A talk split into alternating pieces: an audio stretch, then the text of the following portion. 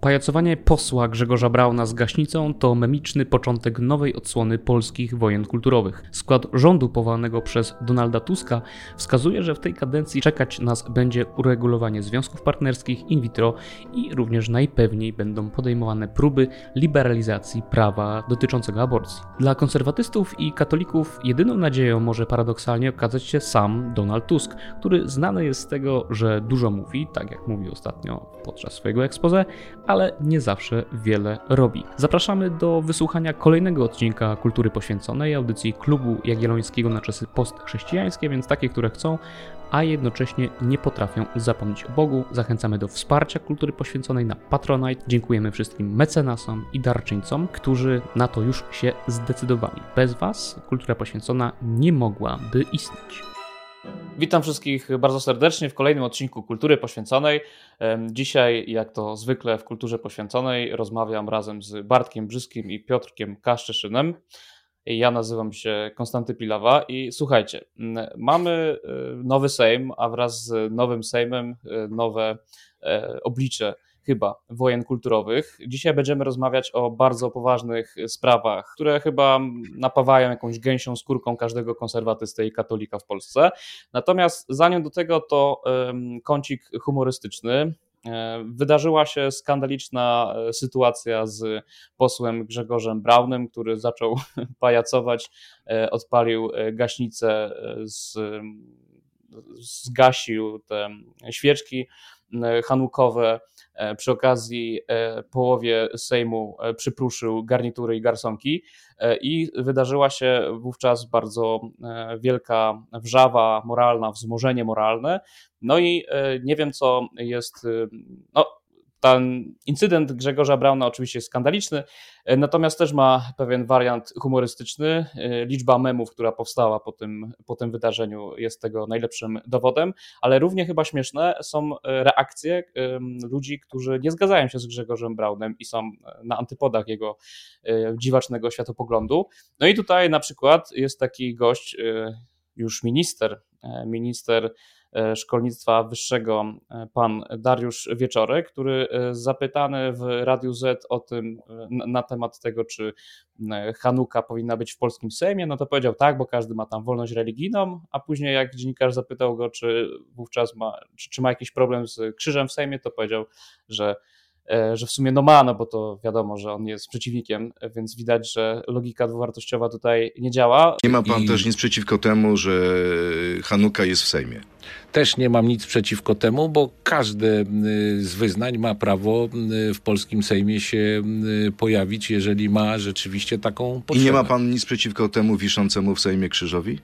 No, tu oczywiście mam, ale nie ma zgody na to, żeby ten krzyż Czyli nie zamierza zdjąć, go pan zdejmować. Czyli nie zamierzam go zdejmować. I druga taka sytuacja, i zaraz oddam wam chłopaki głos, żebyście to wszystko razem skomentowali. Nasz ulubieniec, słuchajcie, o którym nakręciliśmy połowę odcinka o o neopoganizmie polskim współczesnym, czyli pan y, poseł, który ma najtrudniejsze nazwisko w polskim Sejmie, czyli pan Marcin Józef Jaciuk, powiedział, napisał takiego e, tweeta, gdzie oczywiście ma, e, ma swoje selfie, e, gdzie mówi o tym, że jest zwolennikiem świeckiego państwa, a jednocześnie w geście sprzeciwu wobec państwa tak zwanego wyznaniowego zapali dzisiaj w ceremonii świece, jak rozumiem, świece hanukowe, więc również tu logika wartościowa chyba w neopogaństwie nie obowiązuje. Więc teraz e, panowie, e, widziałem Bartek, że ty na portalu X zareagowałeś ironicznie na, na tego Józefia Ciuka, więc może ty jako pierwszy skomentuj sprawę. Tak, no myślę, że tutaj pod względem oceny zachowania Grzegorza Brauna to jesteśmy jednoznaczni i to już podkreśliłeś, że, że potępiamy z różnych powodów E, po pierwsze, nieokazywanie należnego szacunku symbolom religijnym, a po drugie, e, kwestii szkodzenia po prostu polskiemu interesowi narodowemu. E, bo wiemy, jak to się później kończy i, i, to odkręcanie tego, że nie jesteśmy krajem antysemitów, e, jakby idzie jak krew w piach, e, bo, bo znowu ktoś daje pokaz czegoś, co, co, co się rozchodzi po mediach też arabskojęzycznych. Natomiast nie zmienia to faktu, że jakby dla mnie kwestia z jakiejś spójności ideowej jest jednak istotna. Jeżeli poseł Józef Jaciuk wrzuca jakby wywód, w którym jednocześnie jest za rozdziałem państwa, kościoła od państwa, czy kwestii wyznaniowych od, od państwa. I w drugim zdaniu pisze o tym, że ale będzie prawda, celebrował zapalenie Hanuki w Sejmie jakby z, właśnie z logiki tego, że jesteśmy za różnorodnością, no to mnie się to nie spina, ale wiem, że wielu ludziom o tej wrażliwości się spina, bo tak jak napisałem w swoim komentarzu, mam wrażenie, że to jest kwestia tego, że robimy to, co się kojarzy nam z, z powstrzymywaniem jakiegoś wstydu przed oceną e, zachodniego komentariatu, tak? No bo jeżeli popatrzymy na Francję, e, to tam Macron za odpalenie właśnie Hanuki był krytykowany z tych świeckich e, lewicowych lewicowych e, e, stron sceny politycznej, no z tego powodu, że to jest zachwianie właśnie wolności i laickości Republiki Francuskiej. No to jeżeli jesteśmy za świeckością, to jakby jesteśmy świeckością na pełne i ja to szanuję. Znaczy powiedzmy sobie żadnej Hanuki, żadnego krzyża, żadnych symboli, dziękuję bardzo. Z drugiej strony są ci, którzy mówią krzyż tak, bo to jest jakby wynika z naszej tradycji, natomiast inne symbole e, nie. Ci, którzy mówią, że generalnie nie ma problemu, jakby Żydzi są e, ważnym elementem polskiej historii i tożsamości i krzyż też jest e, ok. Natomiast sytuacja, w której mówimy, że krzyż nie, bo to jest anty właśnie rozwojowe, antynowoczesne, antyliberalne, a z drugiej strony dowartościowujemy wszystkie inne religie i zapraszamy je do Sejmu, dla mnie to jest no z logiką to ma mało e, wspólnego, więc e, potraktowałem to teraz ten wywód dość serio, natomiast no jak pani posłanka pani posłanka, której teraz nazwiska nie pamiętam, a możecie mi przy, przypomnieć już ten, aha, pani posłanka z Koalicji Obywatelskiej, która się nazywa Klaudia Jachira, napisała, że czy, czyn, e, znaczy ona ci powiedziała, czyn pana Brauna jest haniebny, demokracja ma swoją cenę, ale to nie powinno być aż tak, nie powinna to być aż tak wysoka cena. No więc mam wrażenie, że też e, jakby e, demokracja jest fajna, ale panowie, no myślę, że nasze wywody i domaganie się logiki chyba narusza jakby wartości demokratyczne przez tą opcję reprezentowane. Tak, logika jest monarchiczno-faszystowska, autorytarna. E, ty powiedziałeś, Bartek, że spróbujesz to poważnie potraktować, to jednak nie do końca potrafię poważnie to potraktować. Szczególnie po wczorajszym filmiku, który wam e, podrzuciłem, że pan poseł Brown już e, inspiruje, inspiruje ludzi z innych sfer życia publicznego, konkretnie wybitnego polskiego boksera, wojownika MMA Marcina L. Testosteron Najmana, który prawda, w ramach wstępu do walki w Fame MMA też już wskoczył z gaśnicą z pewnym doniosłym okrzykiem odnoszącym się do świąt Bożego Narodzenia e, i atakującym swojego przeciwnika w sposób dosyć wulgarny. E, w każdym razie gaśnica już przenika do innych sfer życia publicznego jak najbardziej. I ja jednak też, kurczę, jak ja zobaczyłem ten filmik, e, to jednak nie mogłem się powstrzymać przede wszystkim od śmiechu. Może też kwestia tego, że minęło kilka dni od całej tej afery, kiedy my ten filmik publikujemy, to może też taka perspektywa jest trochę bardziej uzasadniona. Chociaż ten patos za chwilę też zaatakuje, który, który się pojawiał natychmiast w, re, w reakcji na, e, na dziwny. Czy to jest taka tragikomedia, tak, tak, bym tak. powiedział? To jest taka klasyczna tragikomedia. E, tak, w każdym razie, y, jak to było, to wiecie, to pierwsze nagranie, gdzie ta kamera trzymana, nie wiem do końca przez kogo, jakby szła do, do tych świec, jakby ja miałem poczucie, słuchajcie, że oglądam nasz, y, przede wszystkim mój Kostka, yy, uwielbiany serial Chłopaki z baraków. W sensie to była logika jakiegoś dokumentu, gdzie nagle oglądamy Grzegorza Brauna, który, y, który niczym bohaterowie y, Trailer Park Boys y, nagle po prostu odwala jakiś szajs. Nie wiadomo jakby o co tutaj chodzi. Nie powinienem tego robić, ale... tak, dokładnie. Jest ta logika. Nie wiem, czy pamiętasz Kostek ten doskonały na przykład odcinek, gdzie no Bubbles postanowił być e, wrestlerem i zmienił się w, w bitną postać Green Bastard, e, gdzie sobie fantastycznie poczyniał na, e, na, na prędce stworzonym ringu i walczył, cudzysłowie walczył z, z, z innymi mieszkańcami osiedla. I to był mniej więcej ten level. No. Ewentualnie coś w stylu kokainowego bossa któremu siły specjalne Stanów Zjednoczonych po prostu, wiecie, wleciały do dziupli i mu całą tę kokę zniszczyli, a on teraz wychodzi w garniturku, całe na biało i mówi kokaina, nie żadnej kokainy. To nie, mi się bardziej podobało, jak puścili od tyłu i e, był opis, że tak naprawdę Grzegorz Brown e, odkurzaczem wciągał e, dym tak. z sali. To jest doskonałe. No i jakby ja się z tego śmieję, bo to też nawiązując do tej wypowiedzi Klaudii Jachiry. Kurczę, dobra, teraz jest moment w miarę poważny. Jest coś jakby, no, to już jest wręcz nudne, no bo po raz kolejny dostaliśmy, wiecie, jakby niesamowity patos i, jakiś taki nadmiar słowny, jakiś taki naddatek wobec tego, co się rzeczywiście wydarzyło. No bo oczywiście na, na posterunku e, był choćby Tomasz Terlikowski, który już e, prawda, zaraz po tym, jak, jak cała ta sytuacja miała miejsce na swoim Facebooku, na profilu, oczywiście już zestawiał Grzegorza Brauna z hitleryzmem. Już mówił, że to jest prawda, atak na religię żydowską, że tutaj prawda, demokracja jest zagrożona. Duktum ad Hitlerum natychmiast się pojawiło. No i wszystkie te wypowiedzi E, właśnie o tym, że no, pan Grzegorz Braun natychmiast powinien zostać e, prawda, wyrzucony z Konfederacji, w sumie najlepiej jakby się pozbyć z Sejmu, że natychmiast trzeba przepraszać e, prawda, Żydów i państwo Izrael, bo wydarzyły się tutaj rzeczy niewiarygodne, haniebne, nieprawdopodobne. No, a to jest jakby jakaś taka, wiecie, wydarzenie z logiki po prostu dziwnego performance'u z żółtymi napisami trochę. To tym kątem nasz, nasz przyjaciel y, Janek Maciejewski zwrócił uwagę, y, że za Filipem M. Hessem, że Grzegorz Braun w swojej przeszłości był człowiekiem, który, któremu blisko było choćby do takiego ruchu właśnie performatywnego, można tak to określić, czyli pomarańczowej alternatywy z lat 80. E, z Wrocławia, którzy robili tego rodzaju dziwne performance publiczne, e, że w takim razie być może należy cały ten, y, całe to jego dziwne działanie potraktować, wiecie, w kategoriach dzieła sztuki współczesnej. Może to była po prostu interwencja artystyczna w, w przestrzeń Sejmu.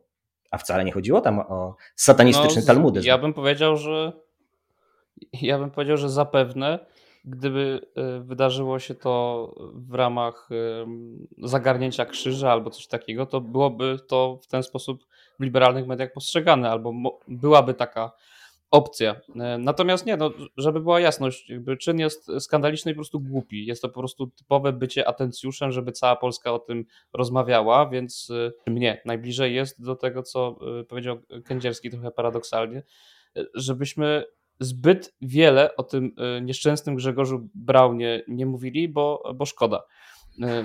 Szkoda poświęcać na to e, cały, cały odcinek, no. więc uznaję, że 11 minut to, to jest, e, tak, to jest wystarczająco. Aczkolwiek ja się jeszcze wbiję z jedną, z jedną myślą, bo wydaje mi się, że na poziomie jakby doświadczenia takiego wielu ludzi to już zaczyna się być, jakby rozlewać się ta logika, o której wspomniałem w kontekście posła Józefa Jaciuka. To znaczy, że coraz trudniej jest nie wiem, obchodzić właśnie święta Bożego Narodzenia natomiast e, coraz chętniej jakby dowartościowuje się święta e, jakby innych grup religijnych. E, i to jest gdzieś na, na poziomie jakichś tam e, mhm. szkolnych e, wydarzeń, czy, czy jakichś takich korporacyjnych, jakichś tak przestrzeni, wiecie, pod tytułem, no właśnie, my tu mamy wakacje, wakacje czy, czy, czy ogólnie święta, jest nie święty Mikołaj, tylko Mikołaj, ale generalnie jeśli jest, są właśnie inne mniejszości religijne, no to tutaj pokazując, dowartościowując tą różnorodność, to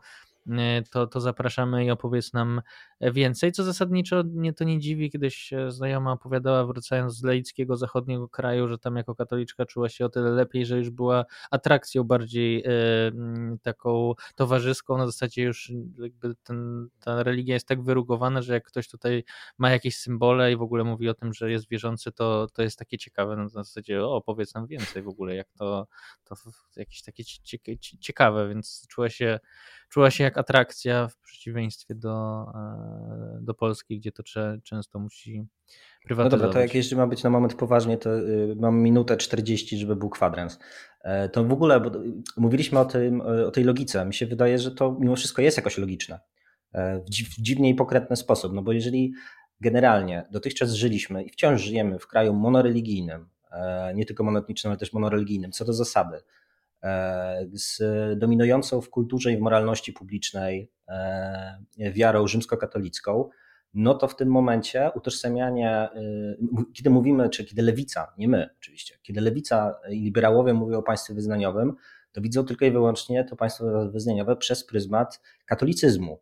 I jakby historycznie, no to, to jest jakby uzasadnione. W związku z tym e, ta świeckość, o której mówił poseł Józef Jaciuk, e, której on nie łączy jakby z Hanuką, ale łączy e, z, ze świętami narodzin pańskich, to jest jakoś tak by, nie wiem czy to można nazwać, do, dobrze to oddaje słowo logiczne, ale jakby jemu ta Hanuka to nie tyle jest nawet, wiecie, atrakcja, E, jakaś taka kulturowa, choć zgadzam się, że w dużej mierze do tego się to sprowadza. To są jakieś fajne, egzotyczne zwyczaje, inne niż te, prawda, nasze e, paździerzowe, e, rzymskokatolickie przyzwyczajenia, ale że to jest raczej na takiej zasadzie, że wszystko, co nie jest rzymskokatolickie, to jest świeckie. To jest bardzo takie dziwne założenie, ale wynikające z tego, że te właśnie wszystkie rzeczy pozarzymskokatolickie nie mają w ogóle potencjału do tego, żeby zająć pozycję Kościoła katolickiego jako tego, który powiedzmy dominuje kulturowo. To jest logika, logika jakiegoś doświadczenia, nie logika z porządku idei. No. No ja bym powiedział, y, już jest, jest 15, więc jakby trzyma za słowo, że przechodzimy do, do nowego e, wątku, ale ja bym powiedział, że chyba zbyt życzliwie interpretujecie tego typu wystąpienia, tak mi się wydaje, bo świeckie państwo bardzo wygodnie jest powiedzieć i dyskurs na to pozwala, a jeszcze w Polsce nie pozwala na to, żeby mówić o tym, że się jest po prostu za e, jakby opcją antychrześcijańską, nie? Po prostu. Jakby Józef Jaciuk tego, tego nie mówi z jakiegoś powodu, no bo taki jest dyskurs i język polityczny. Ale zgadzam się, że de facto e, znaczenie tego świeckiego państwa to nie jest świeckie państwo, tylko, świe, tylko państwo pozbawione jakichkolwiek konotacji chrześcijańskich. No więc to jakby powiedziawszy, przejdźmy do, do rzeczy równie chyba mm, trudnych i dyskusyjnych, co, mm, co takich, które nie, nie, za, które nie skończą się za jakiś tam czas, tak? bo sądzę, że ten cały skandal wokół e, posła Brauna przycichnie, natomiast e, sam, sama konstrukcja mm, rządu powołanego przez Donalda Tuska e, sprawia takie wrażenie dla mnie, jakby te kwestie kulturowe, wojny, z logiki wojny kulturowej jednak były jakąś stałą polityczną, która w tej kadencji e, wystąpi, no bo mamy Agnieszkę Dziemianowicz-Bąk, która jednak została e, powołana na panią minister rodziny, pracy i polityki społecznej. Ma, mamy panią Katarzynę Kotulę, która jest panią minister do spraw równości i mamy Barbarę Nowacką, która jest e, powołana na stanowisko ministra edukacji. I wydaje mi się, że te trzy newralgiczne sektory, jeśli chodzi o prowadzenie wojny kulturowej w Polsce, są, są zagospodarowane przez, przez e, posłanki lewicy, które znane są ze swoich e, wprost wyrażanych poglądów. I teraz, żeby nie być gołosłownym, e, to zacytuję jeden fragment expose Donalda Tuska i chciałbym, żebyście się do niego odnieśli. Cytuję: Ja nie będę Państwu mówił o tym, o czym mówiliśmy przeci, przecież też miesiącami, tygodniami, o czym już była mowa w tej nowej Izbie po wyborach, czyli tych wszystkich kwestiach społecznych, które są na skrzyżowaniu kilku resortów dotyczących praw kobiet, dotyczących kwestii aborcji. Dobrze wiemy i tego nie ukrywamy, że wiele spraw będzie jeszcze przedmiotem debaty. Ja pytanie mam do Was, może teraz tym, tym razem na początku do Kaszcza, nie do Ciebie Bartku, żebyś e, Kaszczu skomentował o jakie inne jeszcze sprawy oprócz tej aborcji e, chodzi, a na końcu, e, żebyś i tę sprawę aborcji skomentował, to znaczy, czy spodziewasz się, że no będzie to unieważnienie wyroku Trybunału, czy, czy ta wojna kulturowa rozgrzeje nas już niebawem? Zacząłbym chyba jednak od tych personaliów, bo tutaj wskaza, wskazałeś te trzy, trzy, trzy posłanki ministra, ministry. Do końca nie wiem, jak to odmienić. E, jako potencjalnie jakichś takich jeźdźców lewicowej apokalipsy. E, natomiast e, choćby pani Kotula, ona ma funkcję, owszem, tej pełnomocnik, ale przy, przy kancelarii prezesa Rady Ministrów. To jest raczej takie stanowisko z porządku sekretarza stanu. I, I takie funkcje, z tego co pamiętam, jeszcze w zarządów Platformy, szczególnie chyba w gabinecie Wykopacz, taka funkcja też istniała. I zazwyczaj to była polityczna poprotka która jakby produkowała dokumenty. Tak, Bartku? Chcesz zapolemizować od razu? E, nie, no, nie, nie, nie, mówisz, mówisz e, prawdę, natomiast e, chciałem dodać, że taką funkcję też miała, jeśli dobrze pamiętam, Beata Szydło w rządzie PiSu i tam odpowiadała chyba właśnie w tej samej, to była to samo, ta sama ranga i odpowiadała chyba za tam uchodźców czy, czy coś, więc zasadniczo to są takie, tak, to są takie funkcje, w którym jakby masz bardzo ładnie brzmiący tytuł, ale nie masz żadnych narzędzi. Tak, e, oczywiście mhm. te pozostałe, pozostałe dwie posłanki, no to tu już mamy stanowisko stanowisko ministra, więc tutaj należy się spodziewać potencjalnych ruchów. E, zresztą samo, dosłownie kilka minut przed nagrywaniem odcinka e, ktoś na naszego Slacka klubowego wrzucił link do, do artykułu, gdzie e, pani Nowacka zapowiadała pierwsze zmiany jako minister edukacji i tam nie było zmian z, z porządku kulturowego, przynajmniej na start. E, ale była likwidacja. Poza, oblicz... poza, poza e, ograniczeniem e, z dwóch tak. do jednej chyba lekcji. Tak, ale to kiedyś musimy znowu nakręcić odcinek, żebyśmy się pospierali o katechezę w szkole. Natomiast mhm. jest takich zmian jest na pewno ten, likwidacja zadań domowych, więc możesz Konstanty przekazać małżonce. Na pewno bardzo się ucieszy. tak, więc to jest Barbara Nowacka, jest Dziemianowicz-Bąk. Dlaczego jakby tak wychodzę od takiej dziwnej, pokretnej strony? Bo wydaje mi się mimo wszystko, że e, Donald Tusk, jako klasyczny postpolityczny Donald Tusk, który musi e, powiedzieć dużo słów, żeby nie powiedzieć nic e, i żeby nie wprowadzić realnych zmian, to nawet ten fragment, który zacytowałeś, on jest jakby tak bałamutnie niekonkretny. Gdzieś tam coś tam przegadamy, przedyskutujemy, wiadomo, mówiliśmy o tym wcześniej, że to jest jakby takie, wiecie, kręcenie się w miejscu. No oczywiście nie mógł powiedzieć inaczej, musiał do tego nawiązać, bo to było jakby cała ta kwestia y, rewolucji kulturowej była jednym z, z no, wątków w kampanii wyborczej, to jest jasne. E, natomiast jednak mam poczucie, że on będzie starał się te kwestie odkładać maksymalnie, jak to się tylko da. Tutaj się usprawiedliwić Trybunałem Konstytucyjnym, e, tutaj sporami wewnątrz koalicji rządzącej, że wiecie, rozumicie, tam jest taki Marek Sawicki i są ci tacy bardziej konserwatywni e, posłowie z PSL-u, no i się nie udało trochę. Ja generalnie na ten moment y, przyjmuję być może zbyt optymistyczne założenie, że będzie bicie jak gaśniczej piany, nawiązując do pana posła Brauna, a że niewiele z tych, niewiele konkretów na start się spodziewam, choć oczywiście do nich pewnie przejdziemy, choćby do kwestii in vitro za jakiś tak przynajmniej zakładam. Tu stawiam kropkę. Tak. Y, ja zgadzam się w pełni z Kaszczem, w tym sensie, że uważam, że zostaną wprowadzone te rzeczy, które dla Polaków są już mało kontrowersyjne, to znaczy kwestia in vitro, jakby to, to jest taka polityka sondażowa, tak? E, którą pamiętamy z lat 2007-2015 rządów e, liberałów, e, czyli jeżeli z badań wynika, że tam 70, 60-70% jest za, to to robimy, więc myślę, że tutaj in vitro dlatego poszło na pierwszy ogień. Myślę, że kwestia związków partnerskich też, też w związku z tym wyrokiem Europejskiego Trybunału Praw e, Człowieka, który nakazuje nam regulacje w, w zakresie e, no, par jednopłciowych, e, więc myślę, że to też w jakiś sposób zostanie uregulowane. Natomiast no, to jest klasyczna ten, klasyczna taka mm, polityka, w której nie chodzi o to, żeby coś zrobić, tylko chodzi o to, żeby cały czas pokazywać, że potrzebujemy jeszcze większe, więcej waszego wsparcia, żeby przełamywać kolejne bariery na y, drodze do tego, aby coś zrobić.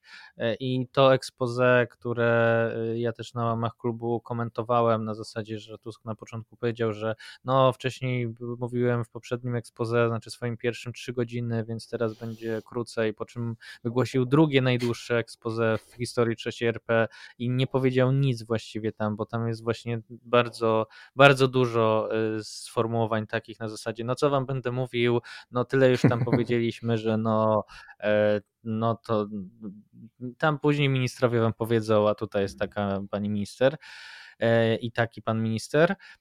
I że jeżeli popatrzymy na personalnie, to moim zdaniem to jest w ogóle super ruch. To znaczy, po pierwsze, e, osadzenie e, lewicowych ministrów sprawia, że jakby ten elektorat jest skupiony na tych ministrach pod tytułem, gdzie są efekty.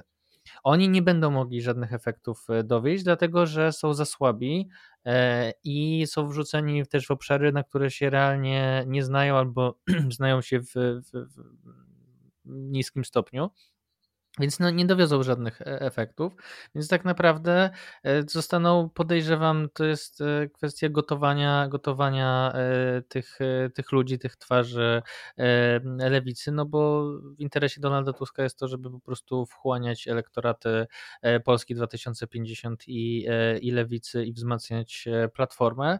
I też wybór chociażby Adama Bodnara to też jest ten, i tam akurat był konkret w ekspoze pod tytułem to jest Adam Bodnar, on jest niezależny, także tutaj no jak się nie będzie dało, no to, to dlatego, że budujemy niezależność, także no ogólnie to są takie bezpieczniki, które sprawiają, że my się boimy jako konserwatyści, że będzie rewolucja, lewica jest nagrzana, bo myśli, że będzie rewolucja, a ostatecznie Donald Tusk wyjdzie i powie, no słuchajcie, no jakby no nic, nic za bardzo się tu nie dało, no to jakby, ale do zobaczenia w następnej kadencji, także głosujcie na nas.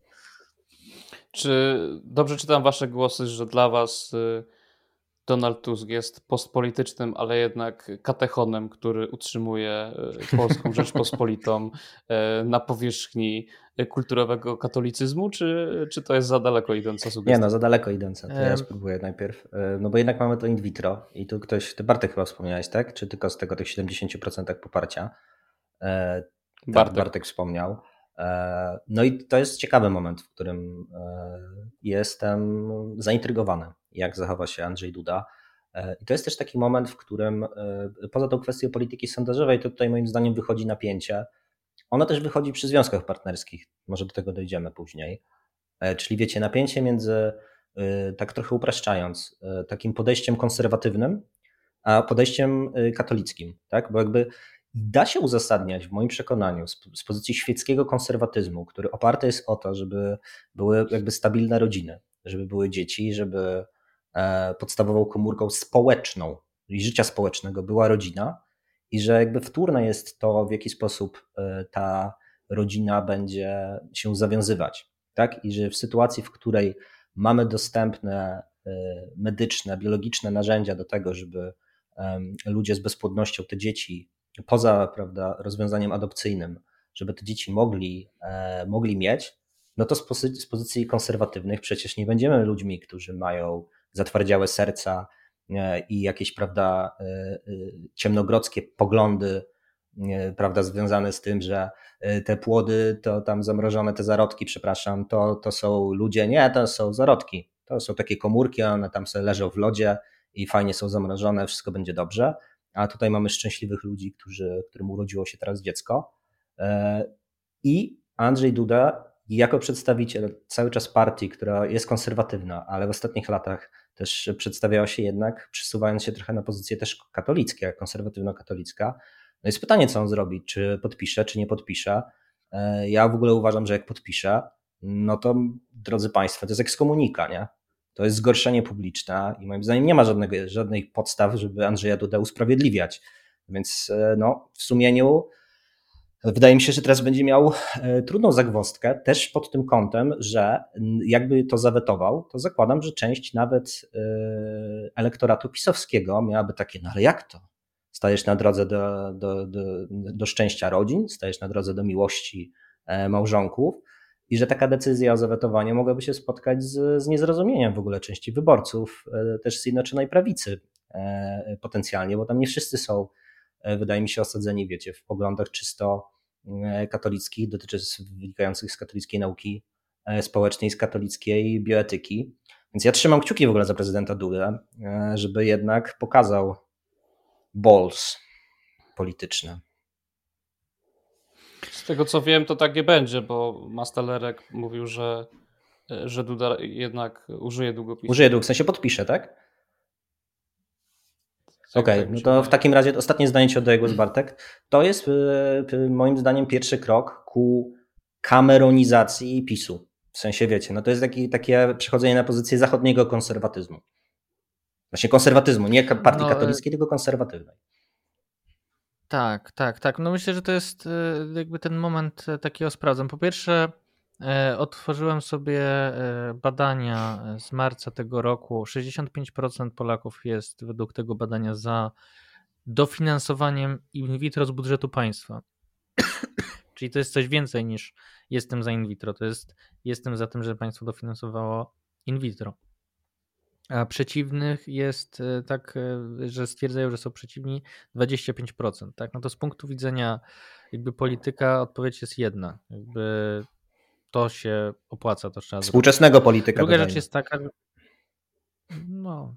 Druga rzecz jest taka, że e, no faktycznie da się e, i były już takie zakusy, między innymi przecież jeszcze to była ta próba Gowina, żeby zrobić tę ustawę biotyczną za zarządów Platformy, po to, że konserwatyści zgodzili się na in vitro pod, pod warunkiem, że będzie regulacja dotycząca tego między innymi co się dzieje z tymi zarodkami, które nie są wykorzystane w procedurze in vitro, tak? czyli mrożenie i tak dalej, jakby która, która regulowała i właściwie z tego co wiem, ale może się mylę, tej regulacji cały czas nie ma, jakby nie ma regulacji, która by faktycznie e, jakoś mm, e, e, na poziomie polskiego prawodawstwa, które by określała, co można, co nie można i w jakim, w jakim stopniu, co ma różnego rodzaju, rodzaju konsekwencje.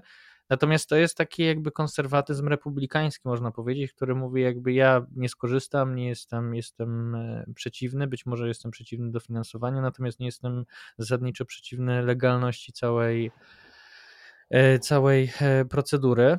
Mm, no i tu myślę, że te pierwsze wypowiedzi premiera Mateusza Morawieckiego, który już mówił właściwie, że on to był za kompromisem aborcyjnym i że y, w sumie in vitro też spoko, pokazują, że w PiSie też jest duża grupa osób, która nie jest jakby z porządku katolickiego, jest konserwatywna jakoś tam obyczajowo, natomiast e, jest w takim mainstreamie powiedzmy centroprawicowym pod tytułem no właśnie, e, nie zgadzamy się, nie wiem, na małżeństwa par jednopłciowych, ale, ale in vitro nie jest dla nas już w jakiś sposób e, kontrowersyjne i to jest już coś znormalizowanego.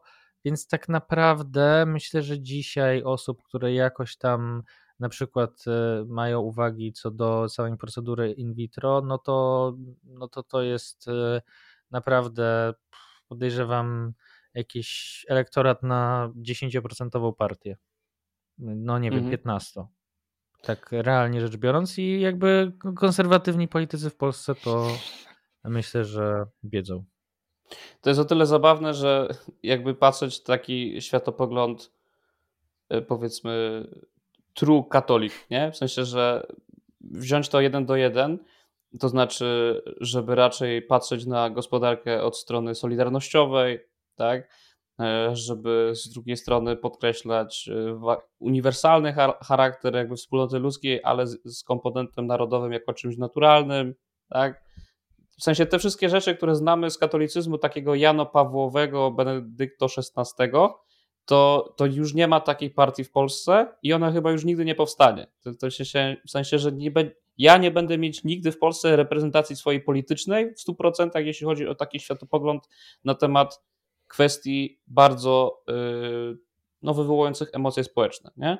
No bo jak już PiS liberalizuje się od tej, od tej strony, a z drugiej strony y, mamy y, no, całą tą ekipę liberalną, y, no to to nie będziemy mieli, inaczej, może wy będziecie, ale ja nie będę mieć nigdy swojej, e, swojej reprezentacji w jakimś takim możliwym do przewidzenia terminie.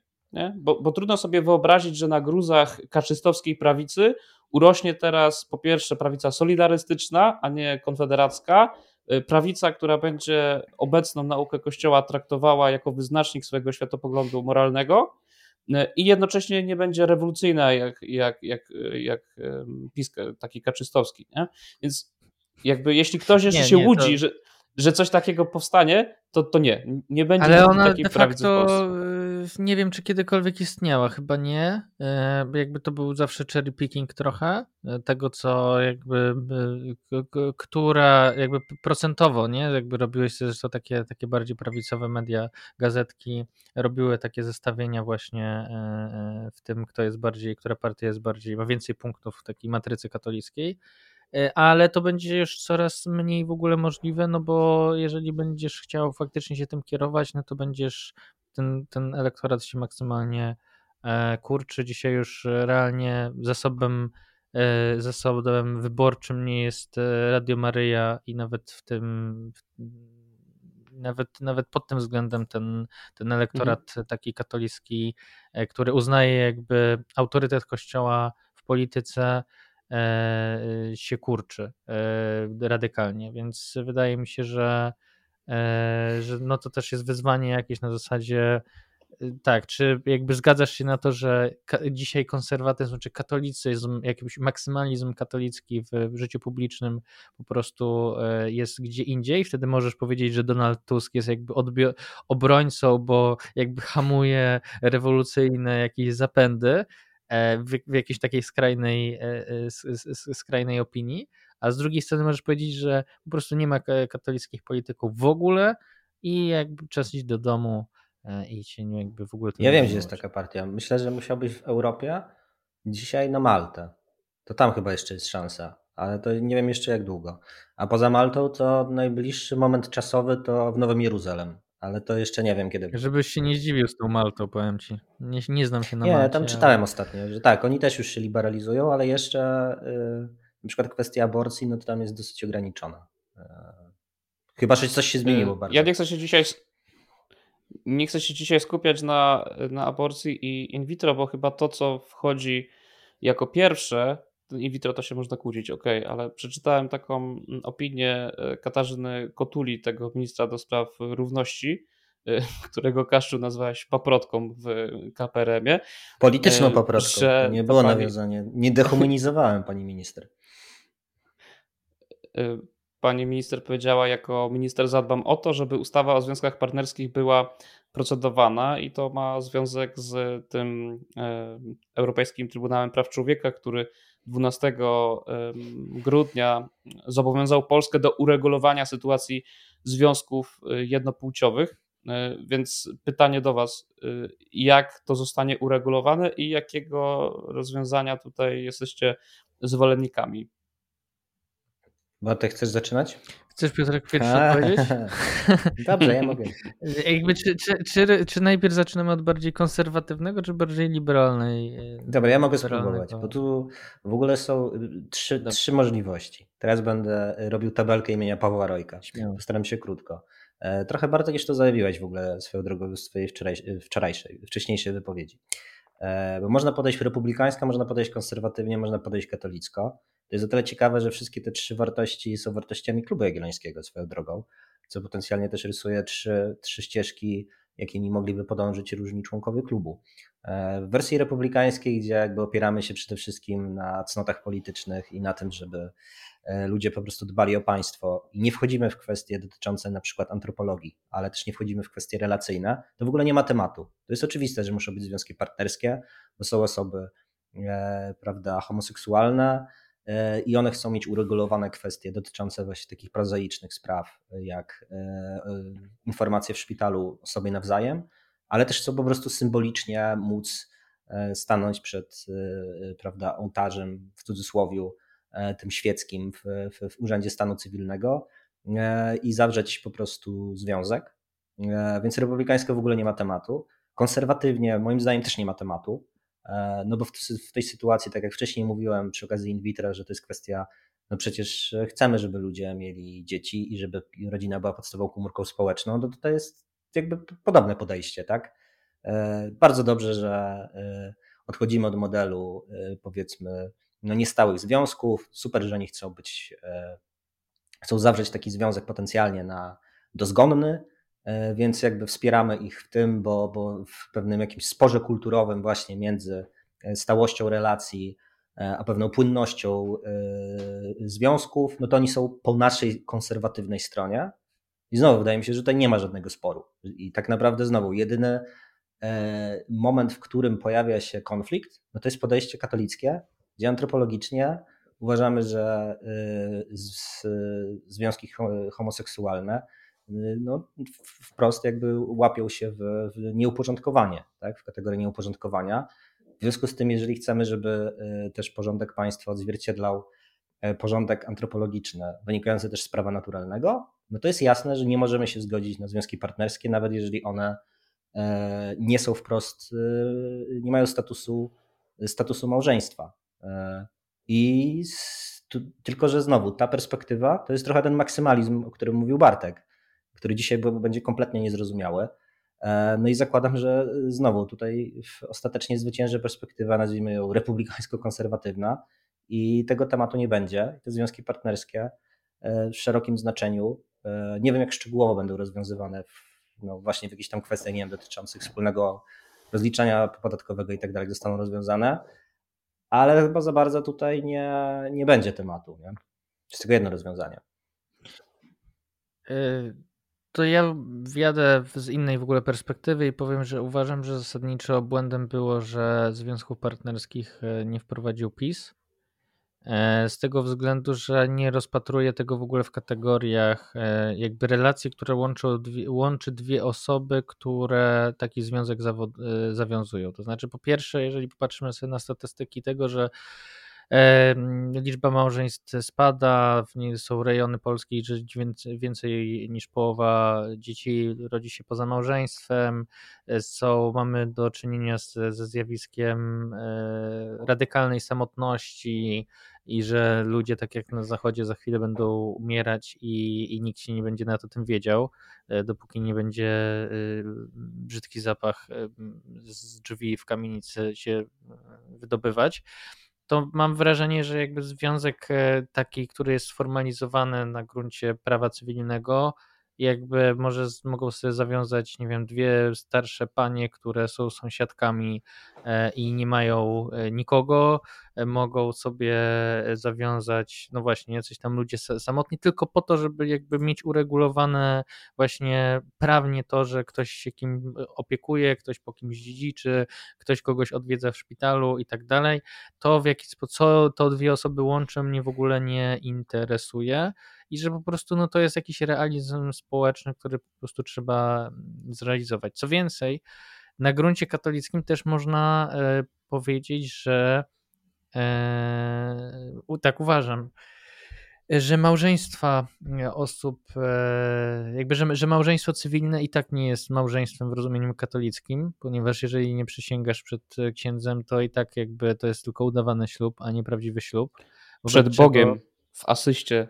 Tak, tak, przepraszam, przepraszam. Przed Bogiem w asyście jakby tak, musisz mieć tylko świadków, nawet nie musisz mieć księdza, jakby to też jest ten, tak? Jakby przed, przy świadkach zagalopowałem się. Czy ty wiesz, stary, co ty, e, co, ty, co ty robiłeś, jak ten się żeniłeś w takim razie?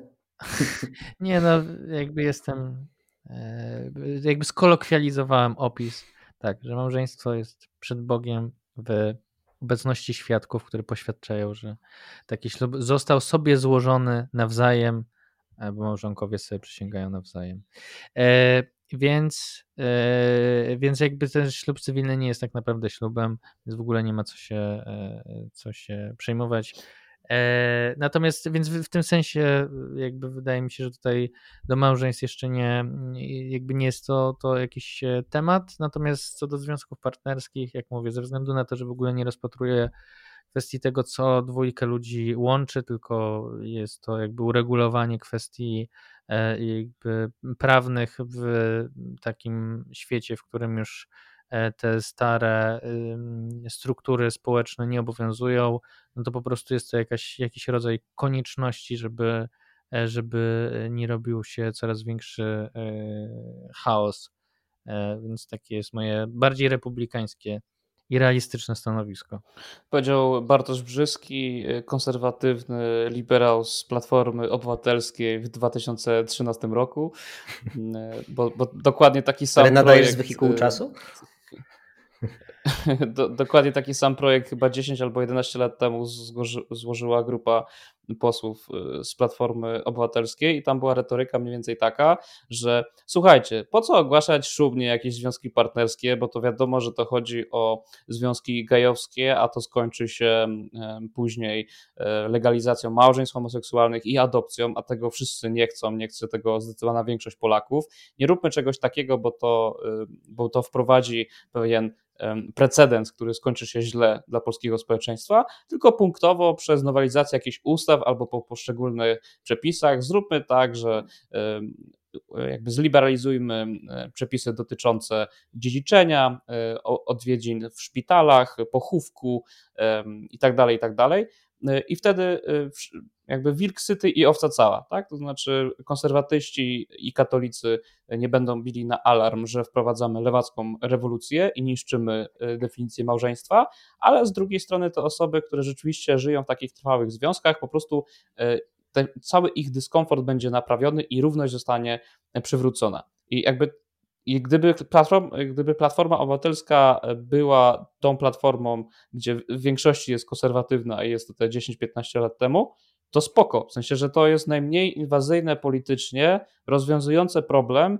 i nie wprowadzające takiej logiki lewicowej rewolucji. Ale jesteśmy w 2023 roku, a nie w 2011 czy, czy 2012 i osobą, która jest odpowiedzialna, czy ma być odpowiedzialna za procedowanie tych związków partnerskich jest pani Katarzyna Kotula z Nowej Lewicy i jej na pewno nie chodzi o to, żeby po prostu tylko te osoby dostały no, taką, żeby została im zwrócona prawna równość, ale chodzi o cały pakiet zmian. Chodzi o to, żeby w jakiejś perspektywie e, czasowej, może tej kadencji, może następnej, nie było tylko związków partnerskich, ale później małżeństw homoseksualnych i adopcji. A tego większość Polaków nadal nie chce i nie chce tego również ja. Więc pytanie, czy, czy wy widzicie taką, taką realnie są takie, że jakby był argument pod tytułem nie róbmy związków partnerskich, bo jak zrobimy związki partnerskie, to y, pojawi się temat małżeństw homoseksualnych.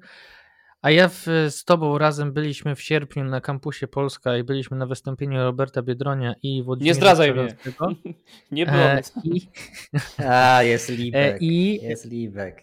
No właśnie, tak, tak, tak. E, był w masce. Nie, żartuję, nie był. E, I tam na tym wystąpieniu e, chyba Robert Biedroń albo Czyżasty, już nie pamiętam. W każdym razie frazeologia była taka.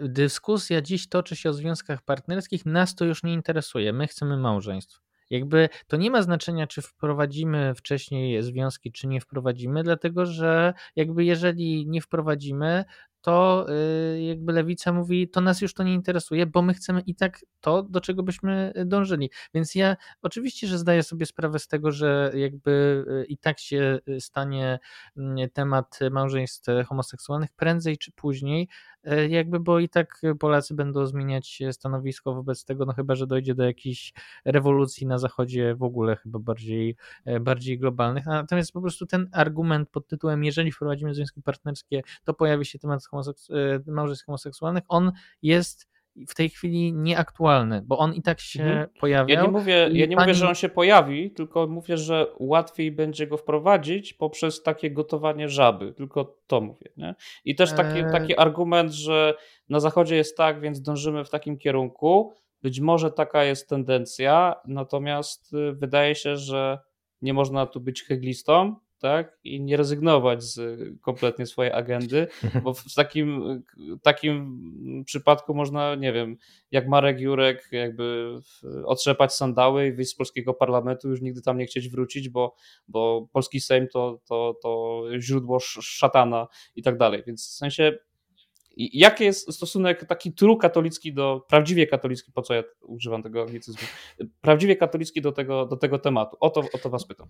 Nie, no prawdziwy katolicki, jak sądzę teraz na szybko, jest taki, że jeżeli prawodawstwo jest źródłem normy społecznej, to w każdy sposób legalizacja związków, które są nieuporządkowane, czyli homoseksualne, przez państwo jest zła. Czyli związki partnerskie, które dają taką możliwość, są złe, nie powinieneś się za, e, za tym opowiadać. Takie byłoby pewnie E, stanowisko. Natomiast szczerze mówiąc, w tej chwili nawet nie wiem, czy wszyscy księże by się pod tym e, podpisali, nie?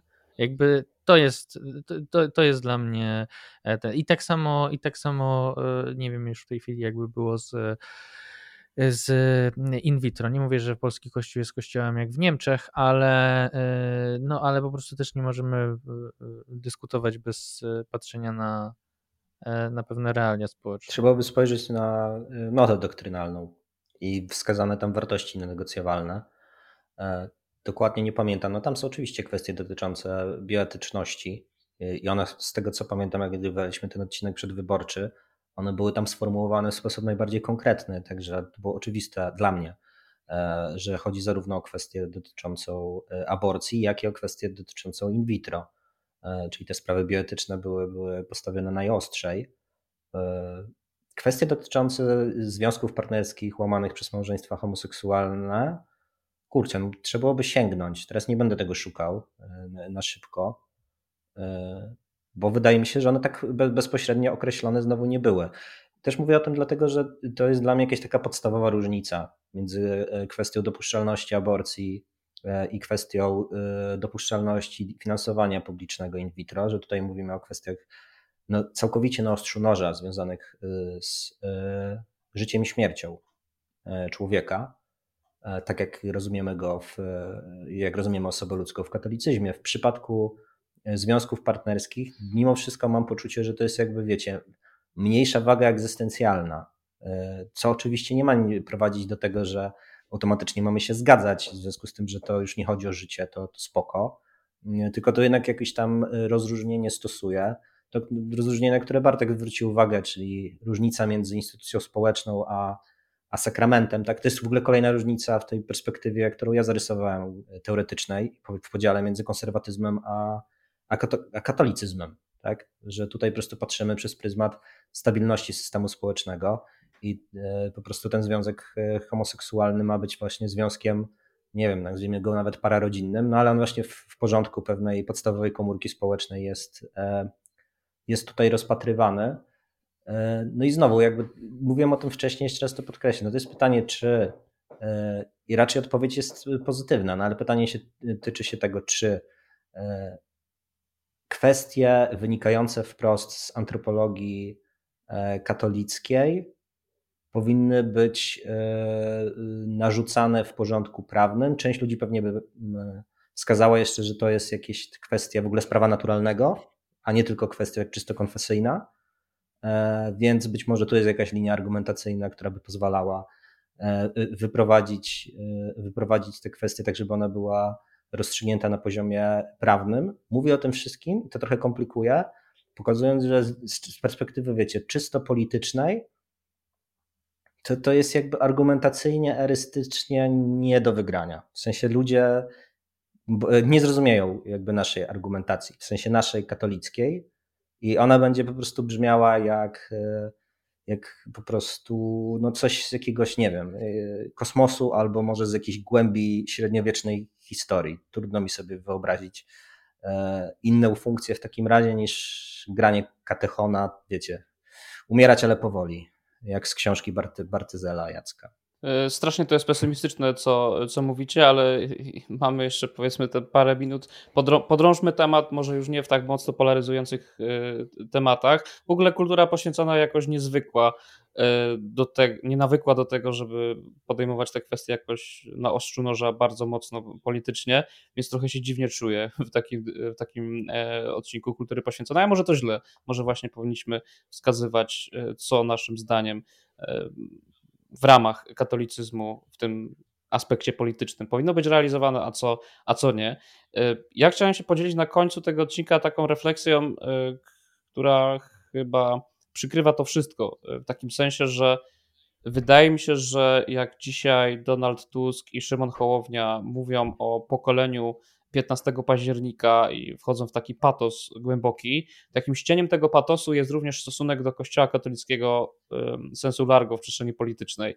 Ja pamiętam te słynne przemówienie na tym marszu tak zwanych miliona e, serc, gdzie gdzie Włodzimierz Czarzasty miał taki 6 e, minut roastu na Kościół katolicki i to było coś przygnębiającego dla mnie. Zwróciłem na to uwagę, na to przemówienie jeszcze raz, po tym, po tym i to może taka klamra, po tym całym zamieszaniu z tym pajacowaniem Grzegorza Brauna z tą gaśnicą, dlatego że ktoś tam na Facebooku wśród moich znajomych zwrócił uwagę, że okej, okay, to jest skandaliczna, skandaliczna sytuacja, nie można tego pochlebiać, ale z drugiej strony y, szykuje się no, jakieś również karna odpowiedzialność Grzegorza Brauna za to, co zrobił, uchylenie immunitetu y, i No i okej, okay, być może jest to e, słuszny wymiar kary za, za, tego typu wybryk, jeśli się reprezentuje polskie, polskie państwo w parlamencie. Natomiast z drugiej strony również posłanka na przykład Szojring-Wielgus w ramach tych skandali, czy w ramach protestów proaborcyjnych w październiku, ale 2020 roku przerywała mszę e, świętą, a sąd e, unieważnił postępowanie w tej sprawie. Zastanawiam się nad tym, czy to nie jest jakiś precedens, tak? To znaczy, że rośnie tutaj jakaś atmosfera antychrześcijańska, antykatolicka w polskiej polityce i to będzie paliwo polityczne już nie tylko dla lewicy jako takiej, ale powoli e, ten taki chamski antyklerykalizm mainstreamizuje się w polskiej polityce.